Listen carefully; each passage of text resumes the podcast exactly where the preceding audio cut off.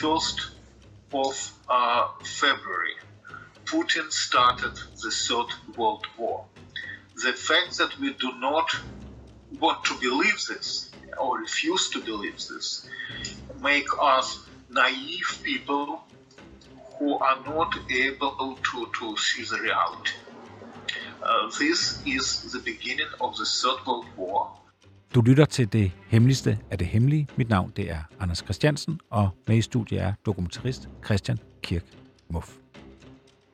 Vi skal i dagens afsnit advare imod uhyggeligt indhold, og børn bør kun høre det her afsnit i selskab med deres forældre. So you're saying that uh, uh, sometime, some months before the war, they changed December, December 21. they changed the law so that they can easier make mass graves, including people who have died from radioactivity. Correct.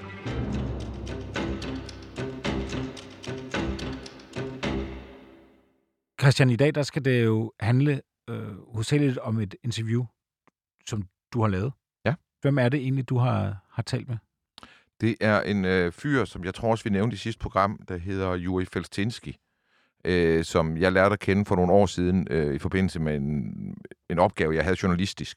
Og, og, øh, og der stødte jeg ind i nogle artikler, han havde skrevet, og så skrev jeg til ham, fordi jeg kendte ikke nogen, der som han kunne sige, fortælle ting med et øh, russisk perspektiv. Øh, og på det tidspunkt, der vidste jeg ikke helt, hvem han var. Øh, øh, og, og du ved, jeg mødte først hans navn i nogle artikler, og, og, og da jeg ligesom havde tre gange læst rigtig gode artikler af ham, hvor jeg tænkte, det var alligevel imponerende, så meget anderledes perspektiv, han havde på nogle ting. Så tjekkede jeg ham, og så var det, jeg fandt ud af, hvem han egentlig var. Og så var jeg jo sådan lidt, okay, det er en mand, der ved noget af det her, tror jeg. Og så tog jeg kontakt til ham, og så efter at være blevet set an og tjekket øh, i nogle uger, øh, så, så gav han så ligesom, så meldte han tilbage. Øh, øh, efter han, jeg ved, han var, han tog øh, kontakt til folk omkring mig, Mm. øh, øh, for at sikre mig, hvem han var. Han lever med øh, en, et vist niveau af paranoia i hans liv. Uh, my name is Yuri Kolstinsky. I was born in Russia, in the Soviet Union, and came to the United States in 78. I'm a historian by education. Jamen altså, han er russisk øh, historiker, som øh, har levet i den flygtighed i mange år. Øh, hans øh, forældre dør, da han er 17, og øh, han selv får lov at forlade Sovjetunionen sidst i 70'erne og bliver øh, historieprofessor øh, øh, og har øh, med altså han har specialiseret sig i KGB's historie. Øh, så han har skrevet, jeg tror han har skrevet 16 bøger. I 90'erne, da der var tegn i sol og måne på, at Rusland kunne blive øh, et øh, liberalt, øh, markedsbaseret samfund. Der vendte han tilbage og blev, øh, dels blev han doktor ved, øh, ved Moskvas Universitet øh, i historie, øh, og øh, det så blev han involveret i øh, sådan øh, toppolitik i Kreml, hvor han øh, blev øh, som jeg forstår det, blev han rådgiver for nogle af de oligarker, som gik ind for, at Rusland skulle udvikle sig mod et vestligt, øh, demokratisk, markedsbaseret øh, samfund. Øh, og, og de kræfter, som præcis tabte mod Putin øh, øh, og det system, som han repræsenterer øh, sidst i 90'erne. Og siden dengang har øh, Felstinski så været landflygtig igen.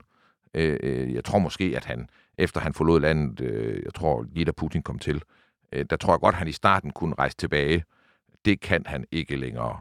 Efter hans bog, han skrev sammen med Litvinenko, udkom, I wrote uh, many books. The, the uh, most known uh, book uh, is Blowing Up Russia, which was published in 20 languages, including Danish, which I wrote together with Alexander Litvinenko, a former lieutenant colonel of uh, KGB uh, slash FSB, who was poisoned in London in 2006 by uh, polonium 210 by radioactive poisoning.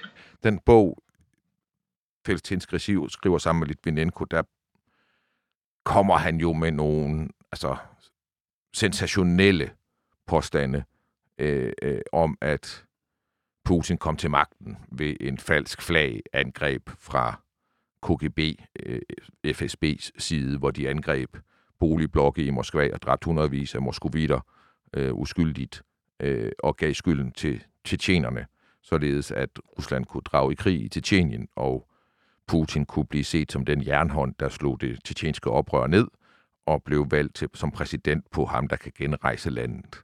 Ja, altså den engelske titel er Blowing Up Russia, ja. og den udkommer i 2002. Ja, okay, allerede så tidligt. Og han skriver den sammen med Litvinenko. Og hvem er det, han er?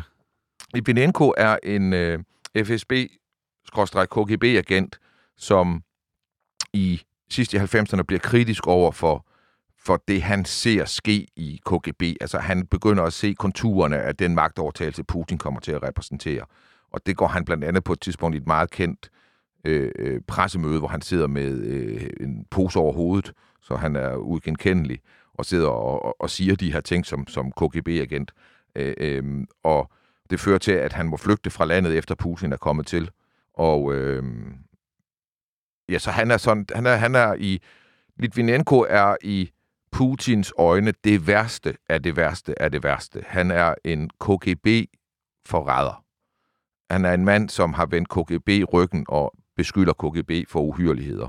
Og det tror jeg, derudover er han så landsforræder og alt muligt andet, men, men det der med ikke at leve op til eden, man har givet til systemet der, det tror jeg for Putin er det værste. Det har jeg i hvert fald set ham udtale i interviews, hvor han bliver spurgt for eksempel, hvad er det værste, du ved? Og så mm. kigger han hårdt på interviewerne og siger forræderi. Øh, og forræderi, det repræsenterer Litvinenko. Og, og, og det, som, bare lige for at skære ud i pap, det som, som bogen Blowing Up Russia øh, dokumenterer, det er altså, at der er de her fire øh, bombeangreb øh, i, i Rusland mod sådan lejlighedskomplekser i Rusland, og hvor at der dør russer. Øh, mere end 300 russer dør, og flere tusind bliver såret. Den dokumenterer altså, den her bog, at det er altså false flag, altså falske flagangreb, som er orkestreret af FSB, øh, altså efterretningstjenesten, øh, med det formål at legitimere en krig mod Tjetjenien. Ja. Øh, og det må Putin på en eller anden måde have været involveret i. Det har været 100% med hans velsignelse, at det skete. Ikke? Ja. Lige så vel som jo alle siger med indsigt i det her, at det er på hans direkte ordre, at Litvinenko bliver forgiftet, da han bliver dræbt i London.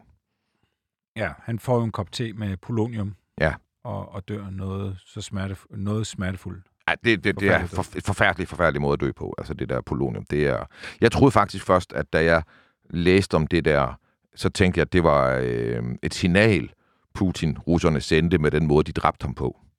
Øh, fordi det, det simpelthen var så modbydeligt.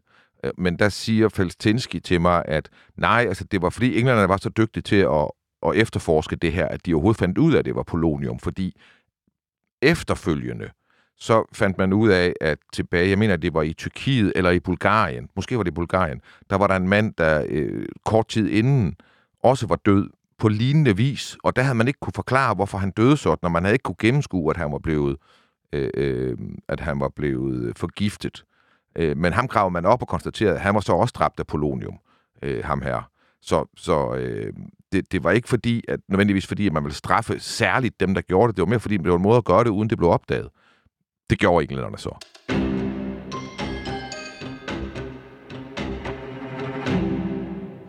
I'm specializing in Soviet and contemporary Russian history, but uh, but recently I I wrote several uh, books uh, related to Russian state security, uh, KGB. Du ringede til ham øh, forleden. Hvorfor var det, du tænkte, at øh, i den her tid, vi er i nu, at det kunne være interessant at snakke med ham? Det var fordi, at han har jo netop skrevet mange bøger, og tilbage øh, i forbindelse med den første russiske invasion, hvis man kan kalde det det, i 14, hvor, hvor russerne øh, invaderer Krim og, og, øh, og invaderer dele af de her to øh, delstater i Ukraine. Øh, der skriver han en bog sammen med en ukrainsk medforfatter, øh, øh som kun er udkommet på russisk og ukrainsk og polsk. Der skriver Falstinski en bog, som handler om Putin og russernes appetit på Ukraine, øh, og hvad det handler om, og, og, og, øh, og hvad man kan regne med vil ske. Altså først en gennemgang af, hvad er sket, øh, og så en gennemgang af, hvad sker der under 14-opgøret, og så øh, rummer bogen også forudsigelser af, hvad, hvad fremtiden vil vil, holde, vil rumme. Mm. Og jeg har en, en, sådan en maskinoversættelse af den her bog, og, og, og der skriver han straight up, Felstinski, at der vil ikke gå 10 år, inden Putin tager Ukraine, øh, fordi at det er en helt central del af den fortælling om hans genskabelse af det storslåede Rusland, som er hele øh, raison d'être, kernen i hans præsidentskab og hans væsen, hans eksistens. Øh, øh, og det er udgangspunktet for Felstinski for at forstå de her ting. Ikke? Ja. Altså, at Putin vil genskabe Sovjetunionen? Ja. Altså, alt, hvad der har været en del af det øh, russiske imperium, bør komme tilbage under russisk kontrol. Og det vil sige, du definerer her, hvis du er Putin, så godt du kan. Altså, hvis noget var en del af Sovjetunionen, så tilhører det Rusland nu. Hvis det ikke var en del af Sovjetunionen, men det var en del af det russiske imperie under zaren, så tilhører det også Rusland nu.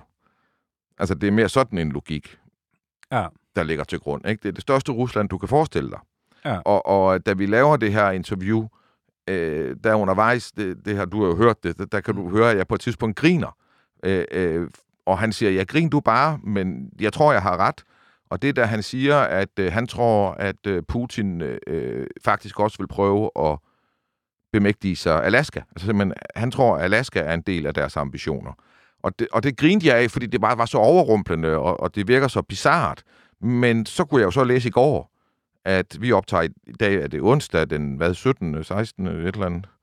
Det er onsdag den 16. marts. Ja, hvad hedder det? Og, øh, og i går kunne jeg læse, at øh, Putins spindoktor udtalte, at Alaska var noget af det, som de faktisk gjorde krav på og kunne se mening i skulle være russisk igen. Ikke? Mm. Så, altså, øh, jeg siger ikke, at alt, hvad Felstinski siger, er rigtigt, og det kan det umuligt være, fordi han tør sige noget også om, hvad der skal ske. Men, men han siger det i hvert fald med stor viden, og jeg synes ofte, jeg har set de ting, han siger, spille sig ud. Ja, det var faktisk også det, det næste spørgsmål, jeg vil stille dig, Christian, her, fordi hvis man skulle lave en eller anden kildevurdering af Flatinski her, hvordan, hvad, hvad skal vi tage, hvilke forbehold skal vi, skal vi tage?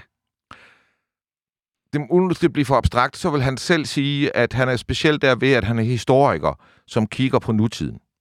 Og det vil sige, at han bruger en historikers metodik, når han kigger på nutiden. Og det vil han selv sige betyder, at sådan smålig dokumentation, øh, øh, det er ikke hans... Han jagter ikke kvitteringer og smålig, du, du ved, altså sådan dokumentation på den måde. Men, men de store bevægelser, Øh, hvis pengene går derfra og dertil, våbnene går derfra og dertil, og olien går derfra og dertil, jamen, så arbejder de der folk sammen. Og så behøver han ikke at se en kvittering for, at de arbejder sammen. Han kan se, at sådan er ressourceudvekslingen imellem dem. Mm. Øh, og så vil han konkludere noget omkring deres relation på baggrund af det. Øh, øh, altså, øh, men jeg er også nødt til at sige, at, at, at når vi har snakket sammen omkring de her ting, så har jeg trygtestet ham på dokumentation på noget af det, han siger, og han har, det har passet. Altså, der er ikke... Så jeg vil sige, troværdigheden er høj. Vi har at gøre med en historiker. Øh, øh, men vi har også at gøre med en historiker, som tør at prøve at sige noget om nutiden, og som tør at forudsige, hvad vi skal være vidne til i den kommende tid, på baggrund af hans kendskab af fortiden og hans analyse af nutiden. Altså, nu er det selvfølgelig svært at sige noget godt om Putin i de her dage, men man skulle også huske på, at han er vel indad Putin-modstander. Ja, altså det kan man jo sige, måske kan man sige det sådan, at da jeg mødte Felstinski, så var det noget af det, som jeg sådan lige skulle, og måske stadigvæk sådan lige kæmper lidt med, det er, hvor indad Putin-modstander han er. Men noget af det, som han jo har sagt om Putin, er jo præcis det, der spiller sig ud nu her i de sidste uger. Det er også derfor, han har optrådt øh, i mine tanker, Felstinski, og derfor jeg ville ringe til ham. Det var også dybest set også for at sige, du havde jo ret øh, i det, du sagde, da vi snakkede sammen øh, tidligere for nogle år tilbage. Ikke? Noget af det, I, I snakker om, det er Hvide Rusland. Ja. Hvide Rusland er jo en, en, er jo en særlig er jo en særlig position nu, fordi hvad, hvad er Hvide Rusland egentlig? Altså, det er jo en af, af Ruslands øh, få venner i verden. Det er jo selvfølgelig en tidligere øh, sovjetstat. Nu skal vi også kalde det Belarus. Det er jo faktisk det, der er, mm. der er navnet på det. Det hedder ikke Hvide Rusland længere, men, men Belarus. Hvad er det, han, han, han fortæller om, om forholdet mellem så, øh, Rusland og, og Belarus? Uh, the uh, Belarus, which they just occupied. Uh, Hang on a second. You, uh, you said that before. You mentioned that before. So you consider Belarus to be occupied? well, Belarus is occupied. Uh, it's the, the the problem is that uh, we have the, Altså, det han beskriver er jo altså et land, som, som han beskriver det, så er det jo allerede besat af Putin. Altså, det, den rigtige betegnelse vil jo være en lydstat. Altså, en stat, hvor, hvor, hvor de gør præcis, hvad Putin siger. Det er bare endnu et amt. Det er endnu en, øh, det er endnu en, en, øh, en del af, af, af det russiske imperie. Det er bare formelt set lidt skruet anderledes øh, anden, men ligesom en guvernør øh, i, i Uralbjergene, han gør, hvad Putin siger, så gør Lukashenko i, øh, i øh, Belarus det samme. Øh, så, så det er nummer et, han siger, det er, at jamen, vi skal være klar over, at han har jo så taget Belarus nu, øh, øh, fordi han har så styrket det her lydstats øh, forhold, han havde til Belarus allerede. Det er jo blevet styrket nu. Han har jo brugt, han har jo været ind igennem det land for at indtage Ukraine. Ikke? Øh, øh, samtidig er lovene lavet om i øh, Belarus sådan, at det er russerne, der forsvarer deres vestflanke. Det er russiske soldater, man møder, hvis man krydser ind i Belarus. Mm. Øh, og så har øh, Lukashenko jo så for nyligt, altså efter krigen er begyndt, øh, øh, ændret loven i Belarus, sådan at de atomvåben, som de opgav at have for år tilbage og afleveret til russerne til forvaring, dem har de bedt om at få tilbage. Så øh, de seneste par uger er Belarus nu igen blevet øh, atombevæbnet. Og øh, altså der siger Feltinski jo, og, og jeg, altså, jeg er næsten lidt dårlig med at sidde og sige det, fordi han er jo ikke, det, det, vi skal jo ikke være sådan nogle alarmister og alt muligt, ikke? men han siger, som han læser det der, så er der det formål med den lovændring i Belarus, at øh, hvis konflikten strammer til over de kommende år, så hvis og når der vil blive brugt atomvåben fra russernes side, så vil det ikke være russerne, der bruger dem. Så vil de blive affyret fra Belarus. Og det er et selvstændigt land. Så hvem vil NATO så straffe? Vil de straffe russerne, den russiske befolkning, hvis Lukashenko i Belarus beslutter at bruge et atomvåben? Det er det, Feltinski siger er tænkningen her. At han simpelthen, altså Putin, vil bruge Belarus Som affyringsrampe. som affyringsrampe. they will move nuclear weapons to Belarus, and then the nuclear attack will will start will will be managed from Belarus, not from Russian Federation. So the retaliation which could go against this attack or because of this attack will be against Belarus, not against Russia. Mm. And that's, I think, is Putin's idea of conducting and starting nuclear war. Uh, he will start it from Belarus. Belarus ligger jo ret vestligt. Ja. Er det noget med rækkevidde? Det, det tror jeg. Det, altså, der vil i hvert fald være meget kort tid til at gøre noget defensivt imod sådan nogle, for eksempel taktiske atomvåben, der bliver affyret fra Belarus mod Baltikum, for eksempel, hvis man forestiller sig det. Øh, øh, så er der jo ikke rigtig... Altså, det meste af sådan noget stjernekrig, du ved, de her øh, satellitforsvar mod de her ting, det er jo sådan nogle interkontinentale raketter, Ja. øh, øh, som er sådan nogle mere strategiske raketter. Ja. Ja. Øh, jeg tror, de atomvåben, der vil blive brugt, øh, øh, hvis der vil blive, blive atomvåben brugt i den kommende, i, i, i den konflikt, eller i de kommende konflikter, der bliver afledt af den, vi har nu, så bliver det ikke øh, sådan nogle strategiske nogen. Det bliver det i hvert fald ikke først. Så bliver det sådan nogle taktiske atomvåben, som kan tage en by ud, eller øh, en deling ud ved fronten. Ja. Det er jo en tung samtale, I egentlig har, øh, synes jeg. Det er, nogle, det er jo, øh, han, han, er jo, han, er jo, han er jo ikke særlig optimistisk. Det kan man virkelig ikke sige. Det kan man ikke sige. Øh, altså, der, der kan man jo så måske sige, at, at hvis vi lige skulle gå tilbage til sådan en kildevurdering, at, at han har helt klart en, en, en forestilling om, at det bedste, vi i Vesten kan gøre nu, det er at lave no-fly zone i Ukraine, og i det hele taget læne os så meget ind i konflikten i Ukraine, som vi overhovedet kan. Øh, fordi han siger, at det bliver ikke bedre at vente. Øh, øh, og, og, og vi vil blive provokeret, og vi vil blive nødt til at gøre noget på et tidspunkt, fordi Ukraine er kun begyndelsen på det. Ikke?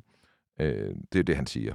Så, så, så hvis han, når han gerne vil tegne et alarmistisk billede nu, eller tror han, jeg tror, det er ikke, det er ikke propaganda fra hans side, men det er bare for at sige, han, han er jo helt åben med, at han ønsker, og tror det rigtige er, at møde hårdt mod hårdt nu, og ikke mm. vente. To make my statement simple, on 21st of uh, February, Putin started the Third World War. The fact that we do not want to believe this or refuse to believe this make us naive people who are not able to, to see the reality. Uh, this is the beginning of the Third World War. Han får jo sagt, at hvis man ikke har fattet, at 3. verdenskrig er i gang, at, at Putin vil invadere Ukraine, der startede han 3. verdenskrig, så er man naiv. Ja. Ja. Og med det mener han jo ikke, at 3. verdenskrig er i gang nu. Men det er jo ligesom, da, da de gik ind i øh, øh, Sudeterland, tyskerne, og gik ind i Østrig, og så senere gik ind i Polen. Og, altså, du ved, det, det, vi er stadigvæk i de begyndende stadier. Der var ikke nogen, der vidste, at det ville blive en kæmpe verdenskrig, det her øh, øh, 2. verdenskrig. Det vidste man ikke tilbage i 39. Øh, øh, man vidste bare, at der var nogle krige, der var begyndt, eller en krig, der var begyndt.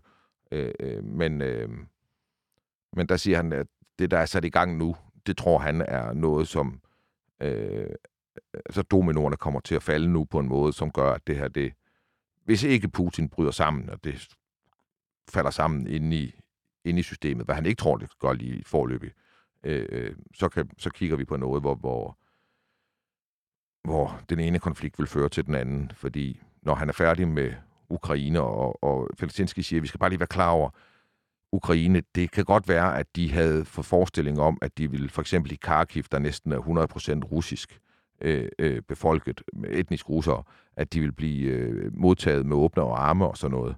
Og at det kan godt være, at de er blevet overrasket over, at det, det bliver de ikke. Men, men det valg, de gav befolkningen i Ukraine den første dag, da de rullede ind, det var dybest set overgive jer eller blive smadret. Og ukrainerne valgte så at blive smadret.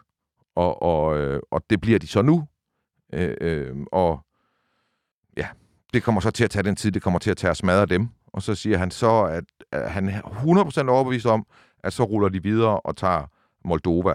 Øh, øh, Transnistri, Transnistrien, tror jeg, den hedder sådan en, en løsrivelsesrepublik, som er øh, russisk, etnisk russisk, øh, øh, har jo løsrevet sig fra Moldova, og ikke anerkendt af andre.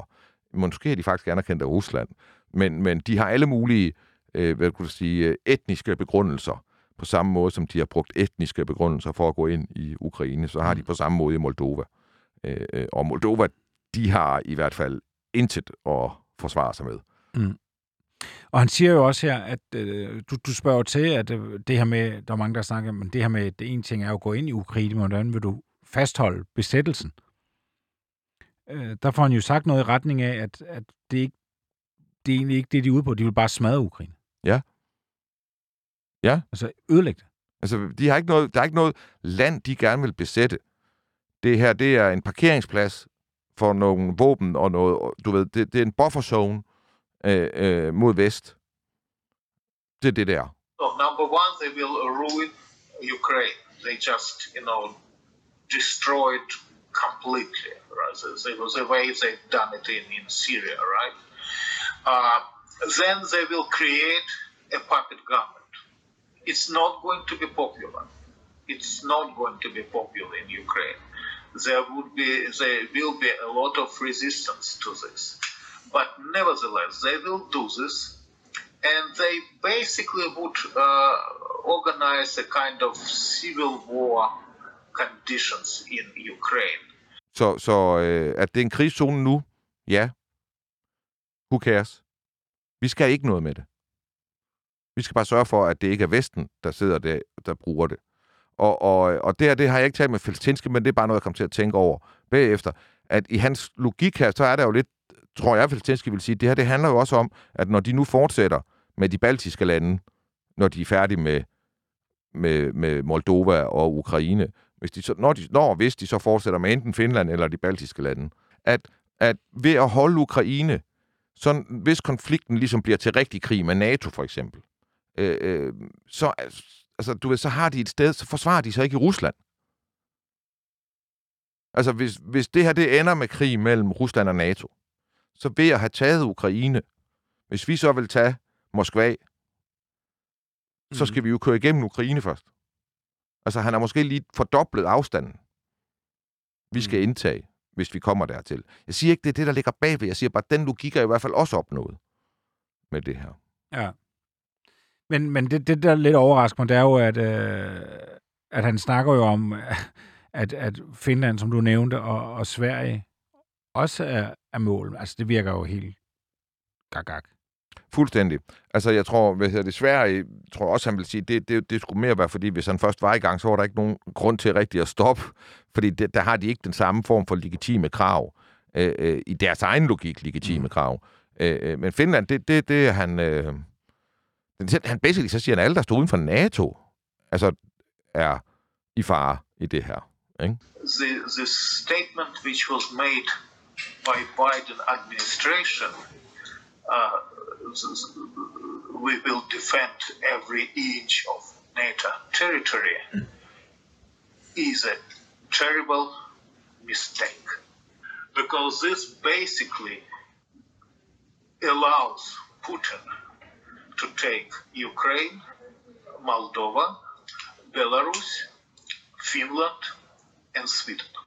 But Finland and Sweden uh, is not has not been part of Warsaw. It's not been part of what you could call Soviet Union. So this is another ball game. Except uh, Finland was part of the Russian uh, Empire.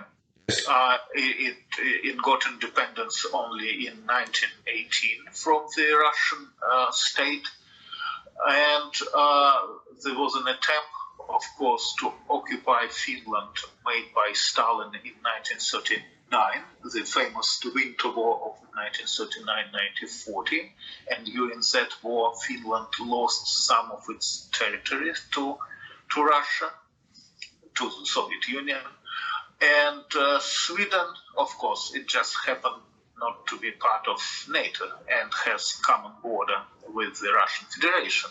So, trust me, this issue probably will exist. But even even Men Finland, Finland særligt, altså det er et af de få områder, øh, som øh, russerne kan på nogen måde øh, gøre krav på og sige har været en del af russisk øh, øh, imperie tidligere, som står uden for alliance. Der er ikke mange tilbage. Øh, men Finland gør.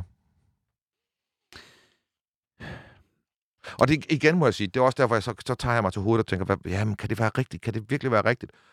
Og, og, men altså, det samtaler jo om, at han skulle lave full blown gammeldags ødelæggelseskrig midt i Europa, hvor kæmpe byer bliver lagt fuldstændig i smadre. Civilbefolkninger på flugt. Og du, altså, der er jo så meget i det, som var fuldstændig umuligt for mig at forestille sig.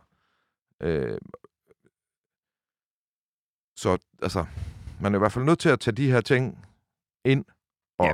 Altså, du, du har ret så langt, at der er jo mange af de, altså uendelig mange analyser, der blev lavet øh, tidligere i år og sidste år omkring forholdet mellem Ukraine og Rusland, har rigtig mange taget fejl. Og Det rigtig mange, må man sige. Og, og vi har jo en tendens til, at vi kan ikke rigtig forestille os noget, vi ikke har oplevet før. Øh, Ja, og vi kan måske ikke forestille os et vanvid på den her dybde. Altså, øh, øh, det, det, den verdens, altså, det verdensbillede, vi er op imod, skal vi måske forstå, er, er lige så forskelligt, som vi kunne opleve, at nazismen var under 2. verdenskrig. Altså, hvor man må stå og tænke, hvad, hvad har I inde i hovedet? Øh, måske er det det samme her, ikke? Det er i hvert fald alvorligt, hvis du, hvis du vil gå i krig i Ukraine på den der måde, de gør det nu. Så må man sige, så, øh, så foregår der ting inde i modpartens hoved her, som, som gør, at vi skal kunne forestille os hvad som helst.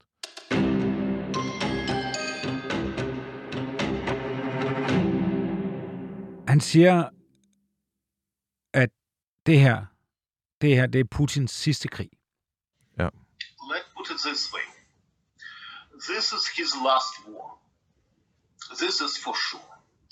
On 24th of February, Putin started his last war. Hvad er det, han mener?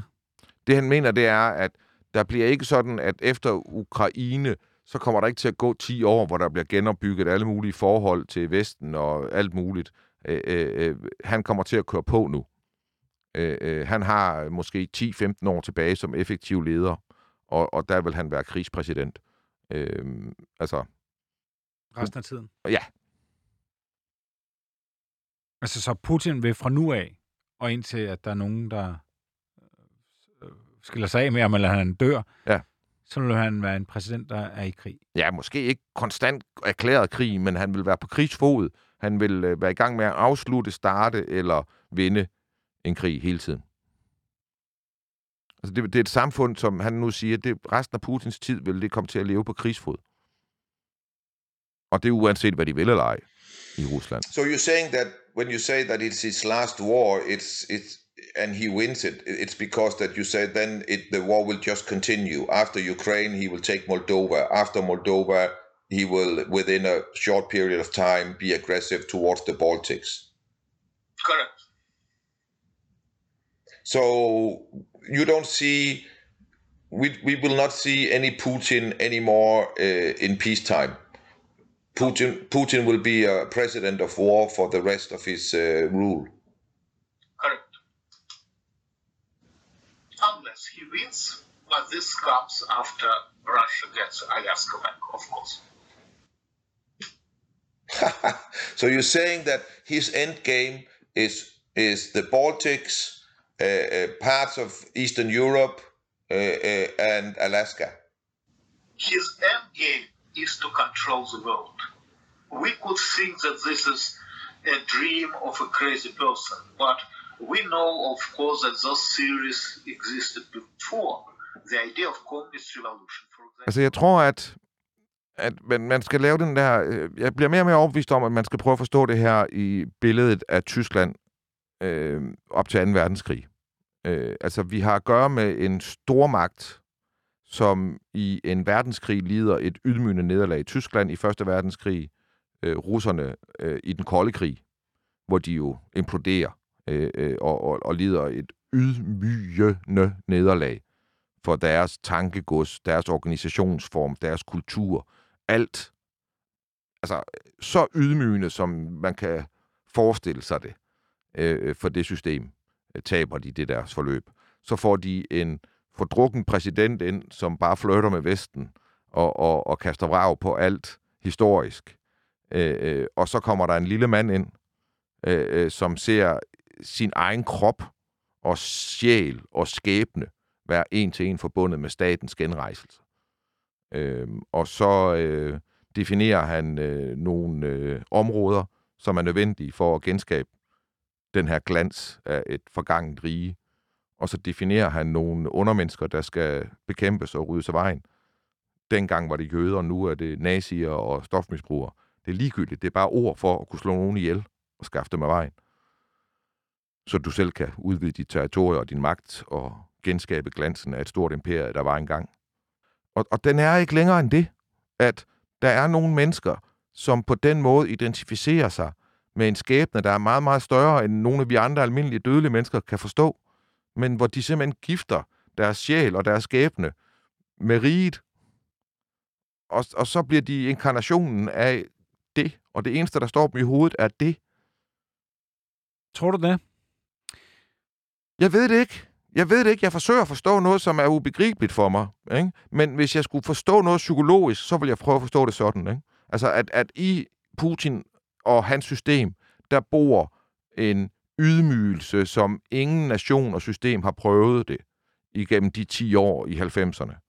Øh, øh, og siden da har alt været en genrejsning. Og jeg tror der, at i Putins første år, der tror jeg, at han er åben for at se, om han kan få respekt i Vesten, og om det kan foregå på, hvad han forstår som ligeværdige vilkår, øh, at Rusland kan blive genrejst, og om der er forståelse for, at Rusland skal genrejses i Vesten. Og det tror jeg ikke, han mødte særlig stor forståelse for. Jeg tror, han mødte en klar ambition om at splitte det gamle Sovjetunion og det gamle russiske rige ad i, i mindre dele, som det jo er sket i, i, i de her lande, og så få dem indoptaget i EU og NATO og så videre i vores system, og på den måde isolere og formindske øh, øh, Rusland og deres område og magt. Mm. Og det er jo det, der er sket, og det er jo det, de reagerer på også, ikke? Jo. Og i sidste udsendelse, der, der, der fortalte du, at, at Putin kommer jo for meget ydmyg øh, kår, øh, og har, har jo drevet det meget øh, videre, end, øh, end man skulle altså, han, man kunne spå om Ja. for, en dreng. Han er en af de store skæbner i verdenshistorien på den måde. Øh, og så samtidig har han jo også øh, sin bedstefar, som han jo Mm. er hans store held, fordi han var øh, kok for både Lenin og Stalin. Og der har han jo linket ind til sådan, altså Ja, ja. magtens centrum og det Yes. gamle øh, Ja. sovjetrige. Ja. Øhm, Og, og det er det, altså Juri Feltinski vil sige, det er det her, der er i spil. Altså alt, hvad der på den måde har været en del af det storslåede Rusland, det skal tilbage, så Rusland igen kan blive storslået. Og den er ikke længere end det. Well, his plan is very simple, uh, unfortunately. And again, uh, we have to say that this plan was announced by Putin several times, uh, different stages. Uh, the first speech uh, of Putin uh, about uh, his unhappiness with the dissolvement of the Soviet Union was his Munich speech in 2007 uh, before he invaded Georgia. And then several times, under different circumstances, he basically was telling us that his dream is to rebuild the Soviet Union. And uh, we kind of were thinking, well, I wasn't thinking that this is just a, a joke. But everybody was saying basically, well, how could you recreate the Soviet Union? Og det, det, det lyder så afstumpet og, og småt og så videre, men så alligevel ikke. Altså, hvis, hvis Danmark blev, øh, eller Vesten blev ydmyget, og, og vi fik, altså der, altså, der skal ikke særlig meget til, før vi i Vesten føler os trådt over tæerne. Nej. Altså, det, det skal der jo ikke. Vi, vi accepterer jo ikke, at der kommer alle mulige styre, der er på alle mulige andre måder end vores, øh, i vores nærhed. Altså, det er jo ikke, det er jo ikke helt ukendt. Nej, nej, og det er jo ikke, selvom det selvfølgelig tit er for sjov i Danmark, der er jo stadig nogen, der drø- drømmer om at få Skåne tilbage, eller Halland, eller Blekinge, eller har, har drømmer om et stort Danmark. Og, Vi og skal så have. Kalmarunionen. Altså, Man kigger på et kort historisk atlas og ser under Margrethe den Første, hvor stort ja. riget var, og tænker, det kunne sgu da være meget fedt. og hun har jo Sverige, hun har Norge, store dele af Finland. Mm. Ja, fantastisk kvinde. Ja, men, og, og det er jo rigtigt. Altså, der, altså, hvis man kigger lidt ind i sig selv, kan man da godt nogle gange have fanget sig selv i nogle, nogle drømme om, at... Men Zlatan skulle da spille på det danske landshold. øh, øh, Flastensky, han siger jo blandt andet, øh, at, at, at Putin, han vil jo egentlig, dels han vil kontrollere hele verden. Altså, han vil kontrollere det hele. Og han får jo også sagt, øh, som jo også er meget, øh, som du også lige har været inde på, det her med, at Putin ser jo alt som et angreb på Rusland. Ja. Altså, han er meget nærtagende. Ja, ja, og, øh, og præcis. Og, og, og, og, og, det, det er sådan en, en... Altså, det er så simpel en psykologisering, at man har svært ved helt at forstå, at det kan være det, der kan være i spil her. Ikke? Men, men man må jo sige, at jeg har set mange videoer af Putin også, du ved, de sidste 22 år. Øh, øh, og, og det er jo en... Øh, altså, det er jo en, en i stigende grad nærtagende mand. Jeg så Lars Løkke Rasmussen udtale sig om hans relationer med, med øh, Putin, og, og det var faktisk meget interessant, hvor han talte om, at i starten sad de og drak øl i Tivoli, og Putin sad og fortalte om, hvor glad han var for Tivoli, for der var han kommet, mens han var i KGB og udstationeret i Østtyskland, og var en ung mand, der ikke havde penge, men så kunne man have tage op og trods alt få en øl i Tivoli og så videre. Mm. Øh, og så til han møder ham øh, til 100-året for Første Verdenskrigs afslutning, som jo så må have været i 19, øh, 2018, ja, 20, Ja, 2018. hvad hedder det, øh, hvor han var helt utilnærmelig og isoleret og gik for sig selv, og, og, og jo dybest set beskriver Lars Lykke en mand, der gik og spillede fornærmet. Øh, så det er jo sådan nogle små menneskelige følelser overført til verdens største land i territoriet.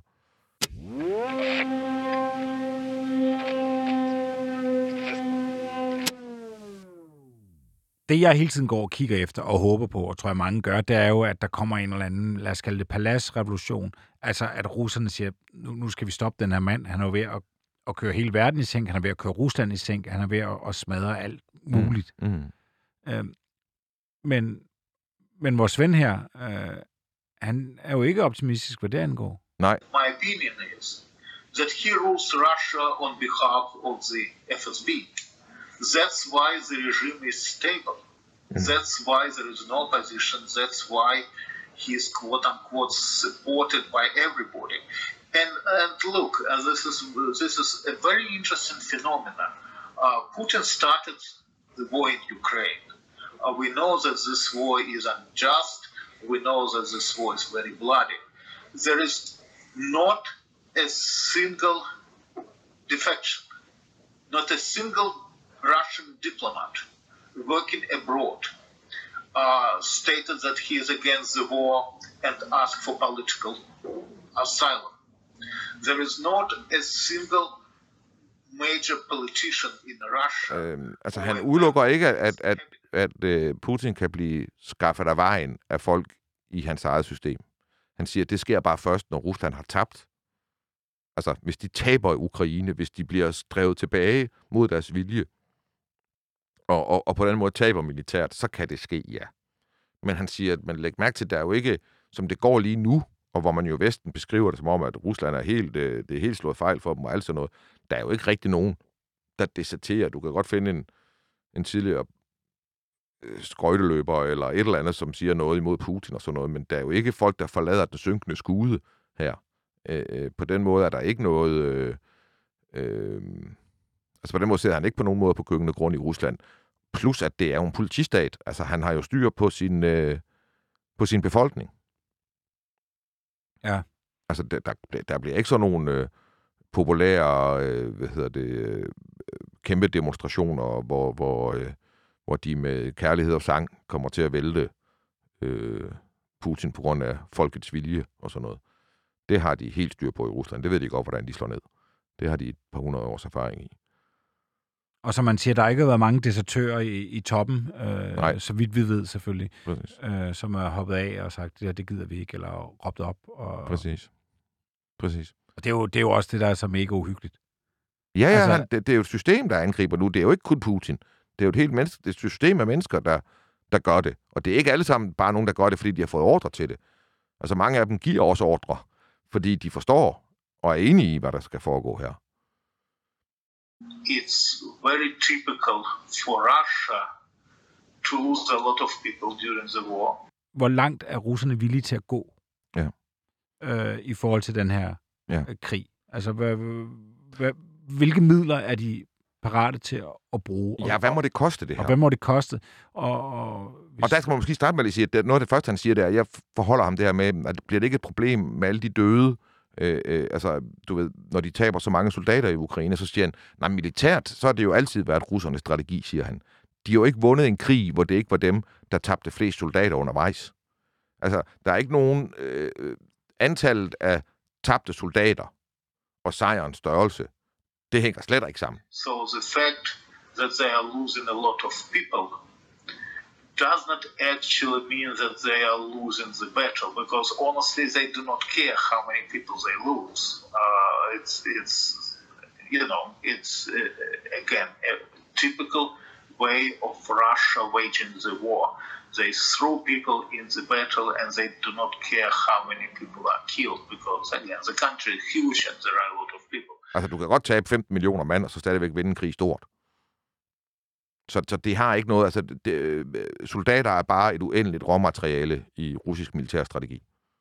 Og det i sig selv er jo øh, selvfølgelig øh, vanvittigt ubehageligt at tænke på, både selvfølgelig over for de stakkels soldater, der, der bare bliver offret øh, i krig, og, og selvfølgelig også med, hvor villige russerne er til bare at blive ved med at smide folk ind, smide folk ind, nærmest trætte Ukraine, eller de lande, de angriber, mm. bare sende nye soldater ind, som man, man forestiller sig en, en sværm af insekter, der bare bliver ved og ved og ved og ved. Og der kan være, at den enkelte insekt er nem at slå ihjel, Men mængden... men, men mængden. Og, og, øh, altså, og det er jo ikke russerne, der vil det der, men det er bare sådan, altså russerne har været autokratisk, øh, diktatorisk styret i århundreder, og, og, og det er en, simpelthen en del af russisk militær, militærdoktrin, det her. De, over, de, de vinder ved voldsomhed og overvældende styrke i mandskab.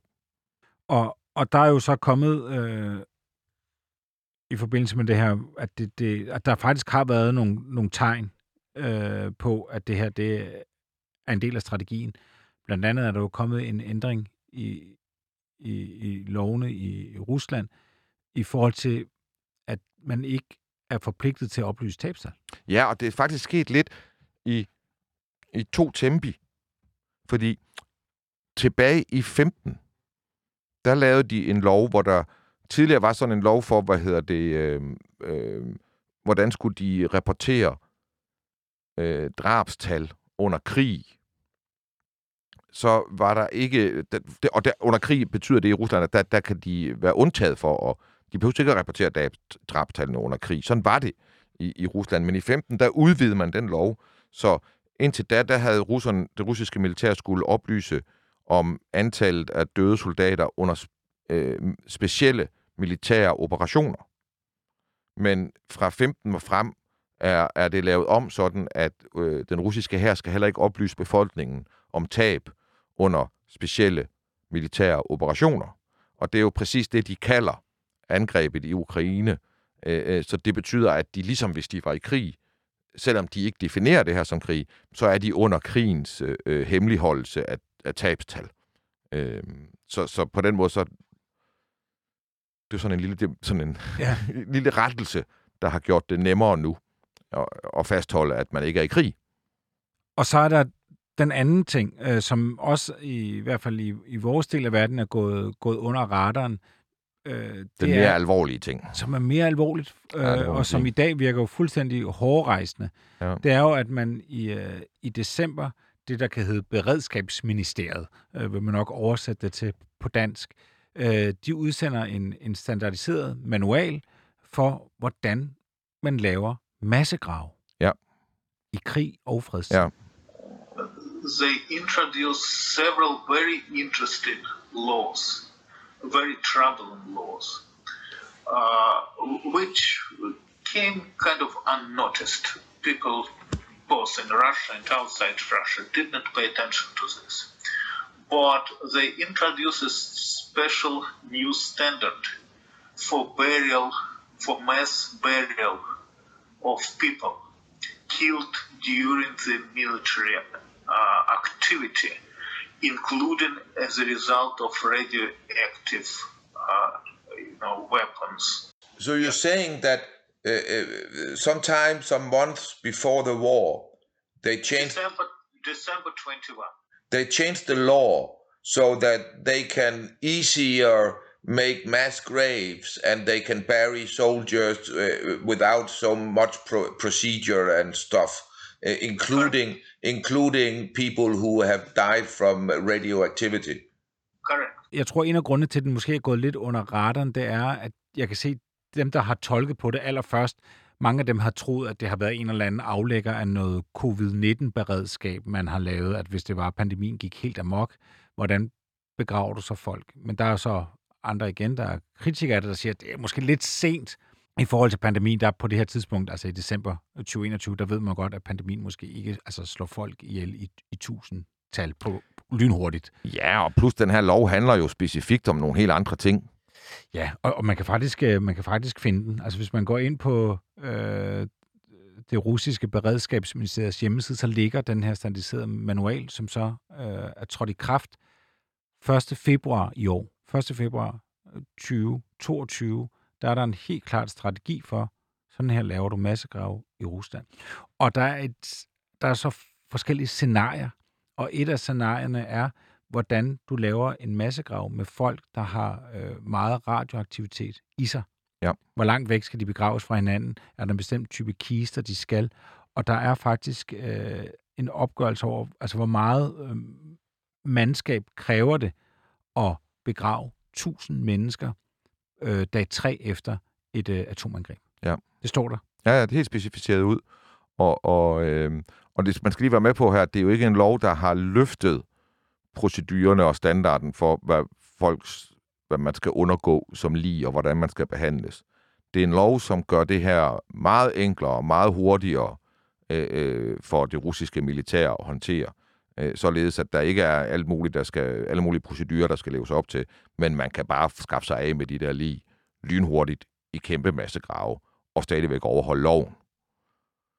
Og, og der, der, der, der er jo sådan nogle helt forfærdelige tegninger med, altså billeder, at man ser en gravemaskine, og, en, og en, øh, der, der graver hullet, hvor dybt det skal være, og der er et billede af en lille traktor, der bagefter, altså hvordan du, mm. du nærmest fræser jorden op, for Jamen, at det, det det, det, det er instruktioner, det der. Det det, der er en instruktionsbog i, hvordan man gør det der. Øh, og, og, øh, og det er jo der, Juri siger, at det, det her kan man bare lægge mærke til, at det er ikke tilfældigheder, det her nødvendigvis. Det er jo Juris læsning af de her ting. Det var ham, der gjorde mig opmærksom på, at det der var sket, jeg har ikke set det andre steder. Og, og øh, så, så når han lige pludselig siger, at du skal bare være klar over, at de har lavet lovgivningen om for øh, 3-4 måneder siden, sådan at det er meget enklere at lave massegrave efter et atomangreb, så siger jeg, hvad snakker du om? Og, og, og det er en af de gange, hvor, hvor, hvor Juri siger noget til mig, som min hjerne i første omgang, altså øh, detonationen af det, han siger, kan ikke rummes inde i mit hoved. Øh, øh, og, og, øh, og så begynder han så at forklare, og, og, og i starten er jeg vantro. Men, men det er jo sandt. Der står her, at, øh, at de anbefaler, øh, eller det kræves for en massegrav, at, at linet bliver begravet i fire lag med en smule øh, altså med jord øh, imellem og, og gødning. Ja. Og så skal man også øh, installere, øh, nu oversætter fra engelsk, altså devices, som skal kunne øh, absorbere øh, blandt andet radioaktivitet.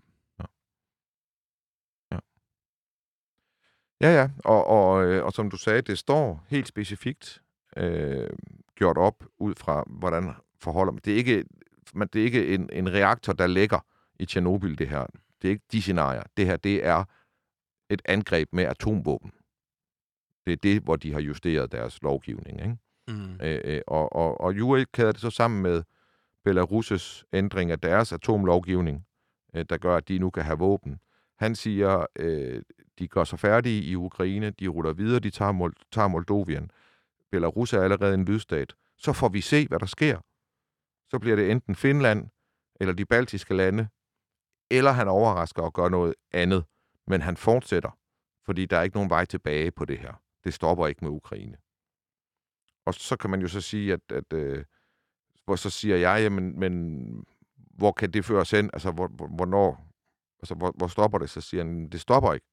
Altså, hvis du, hvis du lægger jurisk perspektiv på det her, så har Putin regnet ind, at det her det kan føre til konflikt med NATO. Og det er han klar til også. Og i sådan en konflikt er han klar til at smide et A-våben. Og hans, altså via Belarus. Og hans kalkyle der vil være at sige, at ingen i NATO vil bombe ham tilbage igen på fuld knald. Fordi så ved de, at vi vil blive bombet tilbage på fuld knald. Og hvis han kun har brugt et så kan det jo godt være, at vi er villige til at lytte til ham på det tidspunkt. Fordi så ved vi, at han er klar til at gå hele vejen. Og vi har ikke set nogen tegn på, at han vakler, men noget som helst endnu. On 21st of uh, February, Putin started the Third World War. The fact that we do not want to believe this or refuse to believe this make us naive people who are not able to, to see the reality. Uh, this is the beginning of the Third World War.